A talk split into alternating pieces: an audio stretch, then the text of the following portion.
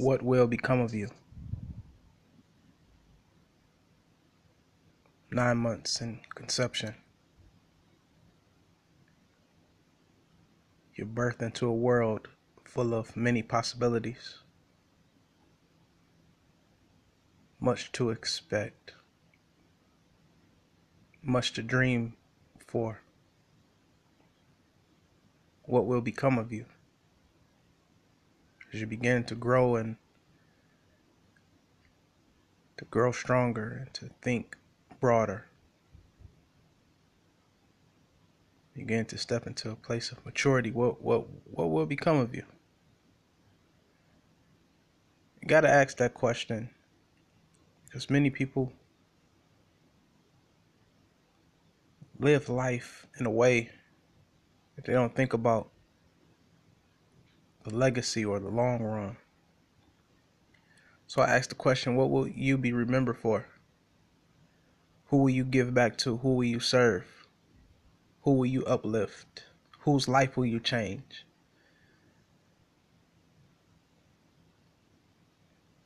You can go through life selfless and impact the world, or you can go through life selfish and isolate yourself and not become anything?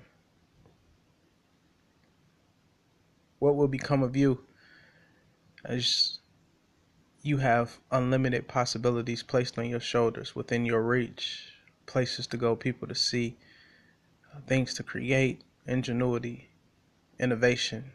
Your creative freedom has the ability to catapult you from here to another state of life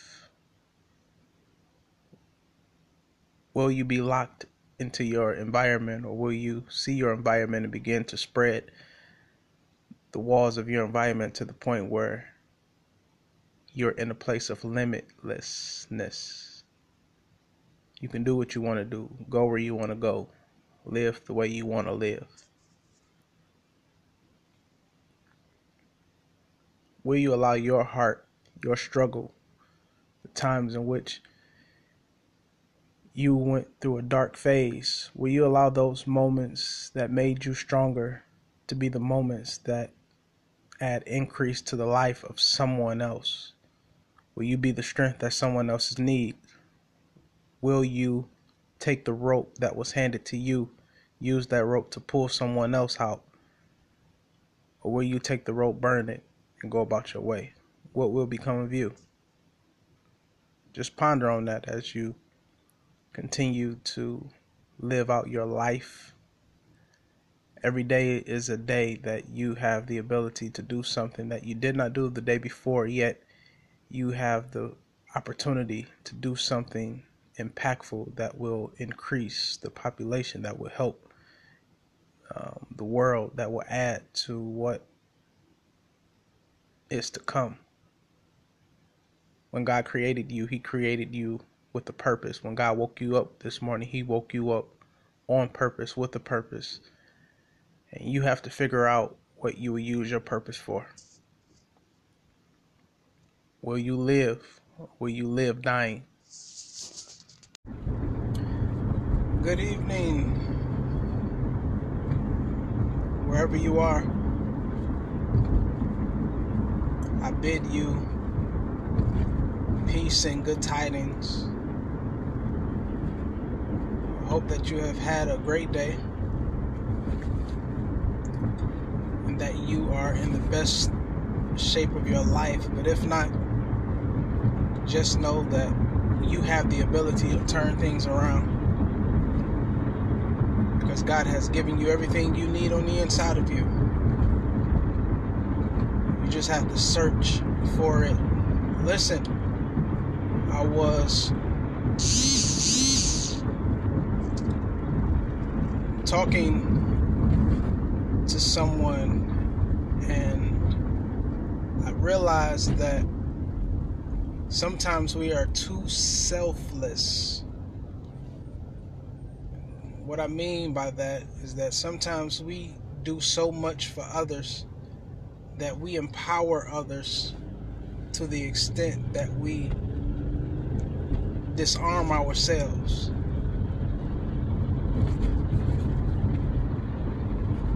Was talking to someone and I posed the question that if you were to give someone the shirt off of your back, what will you be left with? Let me say that again. If you were the were to take the shirt off of your back and give it to someone who in fact needed a shirt because they were cold or they were wet, what will you be left with?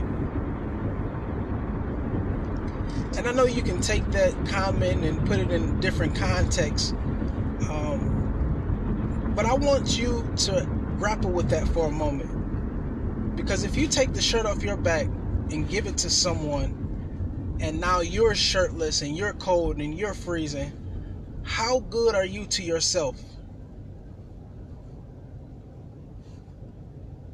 And oftentimes, that's what I mean when I say that we are too selfless, that we go about life doing for others and giving people figuratively um, the shirt off of our backs. That we disarm ourselves, but we empower them to become more and become better. There's nothing bad about being good and, and, and to be a person of good deed, of good heart. I'm not saying that that's not my argument at all. But my argument is you have to be able to identify when going too far is too much. Because you mess around and you give somebody the shoes off of your feet and they walk away. And now you are footless, you are shoeless and without. So you have to challenge or you have to gauge what you're doing and what is too much. Are you losing yourself for the benefit of others? Are you not focused on your purpose because you are empowering the purpose of others?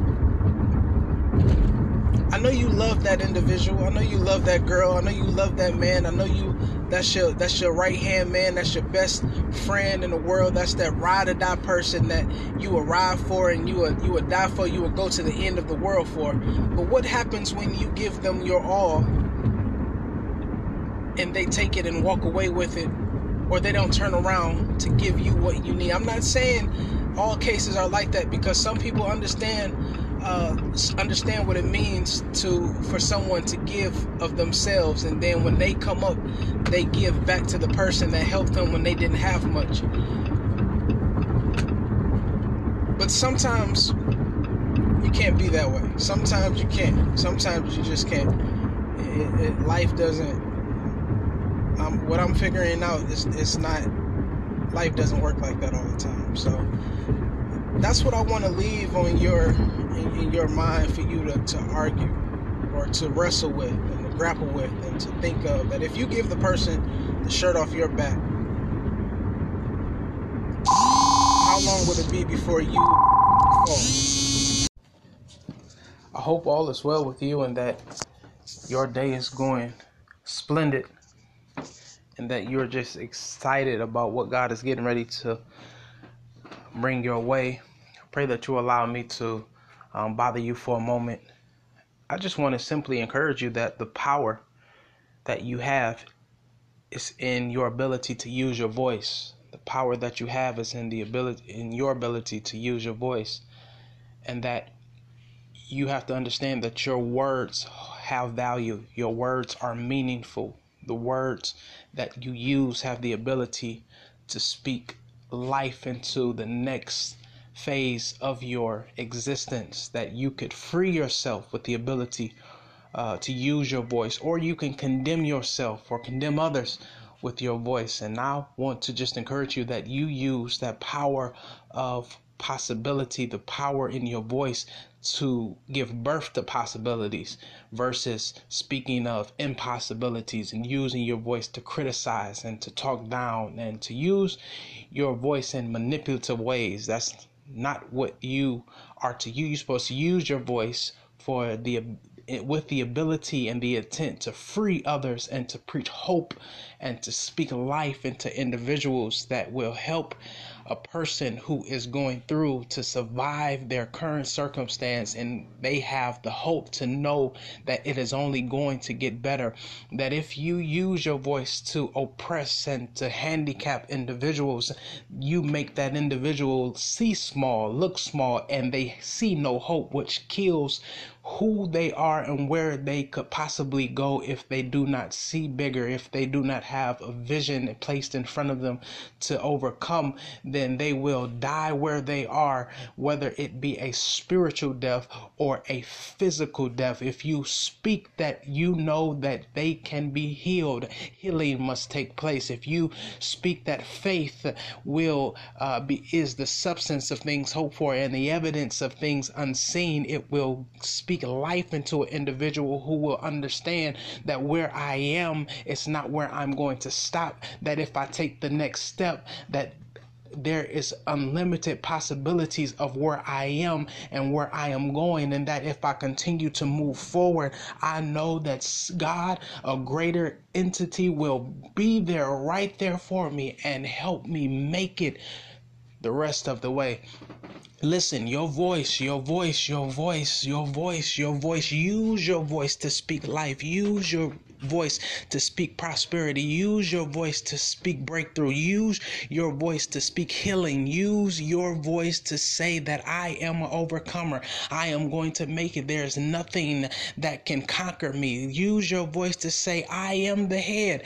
Use your voice to say I am wealthy. Use your voice to say I am beautiful. Use your voice to say I was fearfully and wonderfully made. Use your voice to say that even though my current circumstance does not look the way I want it to look, that I can speak a word and change everything around me. And when you speak, use your feet and begin to move, move in a direction in which your words gave, you gave life to your words. Use your feet to move in the direction that will help change your circumstance and give hope to some boy, some girl who is in the current stages of their life, but they are struggling and they don't see a way out. Use your voice to feed those who are hungry. Use your voice to feed, give drink to those who are thirsty, and put clothes on the back of those who do not have. Use your voice and use your feet to make the impossible become possible. Listen, use the power within your voice to make it happen.